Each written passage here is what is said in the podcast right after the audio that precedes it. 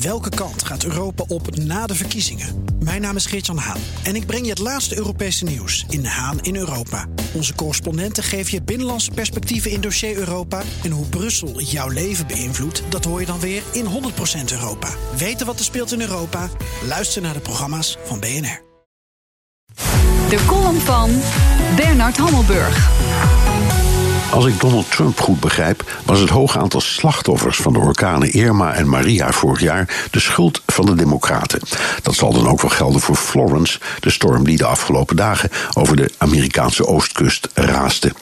Uit onderzoek door een gerenommeerd wetenschappelijk instituut in opdracht van de Puerto Ricaanse overheid blijkt dat de wervelstormen vorig jaar bijna 3000 levens eisten, dus aanmerkelijk meer dan de 64 die officieel werden geteld. Nepinformatie komt allemaal van de Democraten, zei Trump. Autocraten zijn meesters in het intimideren van de vijand en de oppositie. Ze dopen hun pen in vitriol of openen Twitter en gaan los.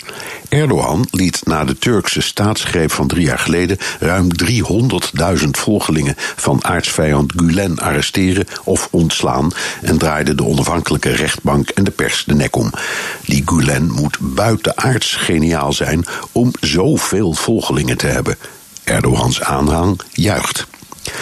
Poetin laat de twee mannen die oudspion Skripal probeerden te vermoorden opdraven met het verhaal dat ze als toeristen de kerk van het Engelse stadje Salisbury wilden bezoeken. Duda van Polen ontmantelt de onafhankelijke rechtbank, maar krijgt een juichende menigte op de been door de schuld te leggen bij de Brusselse EU-kliek. Zijn vriendje Orbán van Hongarije oogst nog harder applaus met zijn pleidooi voor de illiberale staat, wat zoiets betekent als de vrijwillig gekozen dictatuur. Autocraten pakken het hard en schaamteloos aan en zien het beeld van genialiteit dat hen in de spiegel aankijkt, gereflecteerd in het enthousiasme van hossende massa's. Democraten zijn daarbij vergeleken, maar sukkelaars. Macron krijgt in Frankrijk de langere werkweek er maar niet door. Theresa May loopt zich vast in de brexit omdat ze de vijand er juist bij wil houden. Rutte schippert tussen oppositie en coalitie over de dividendbelasting, beetje gedoe over de pensioenen en de gedaalde, dan wel plotseling weer gestegen koopkracht. Autocraten liegen of het gedrukt staat, aangemoedigd door juichende menigtes.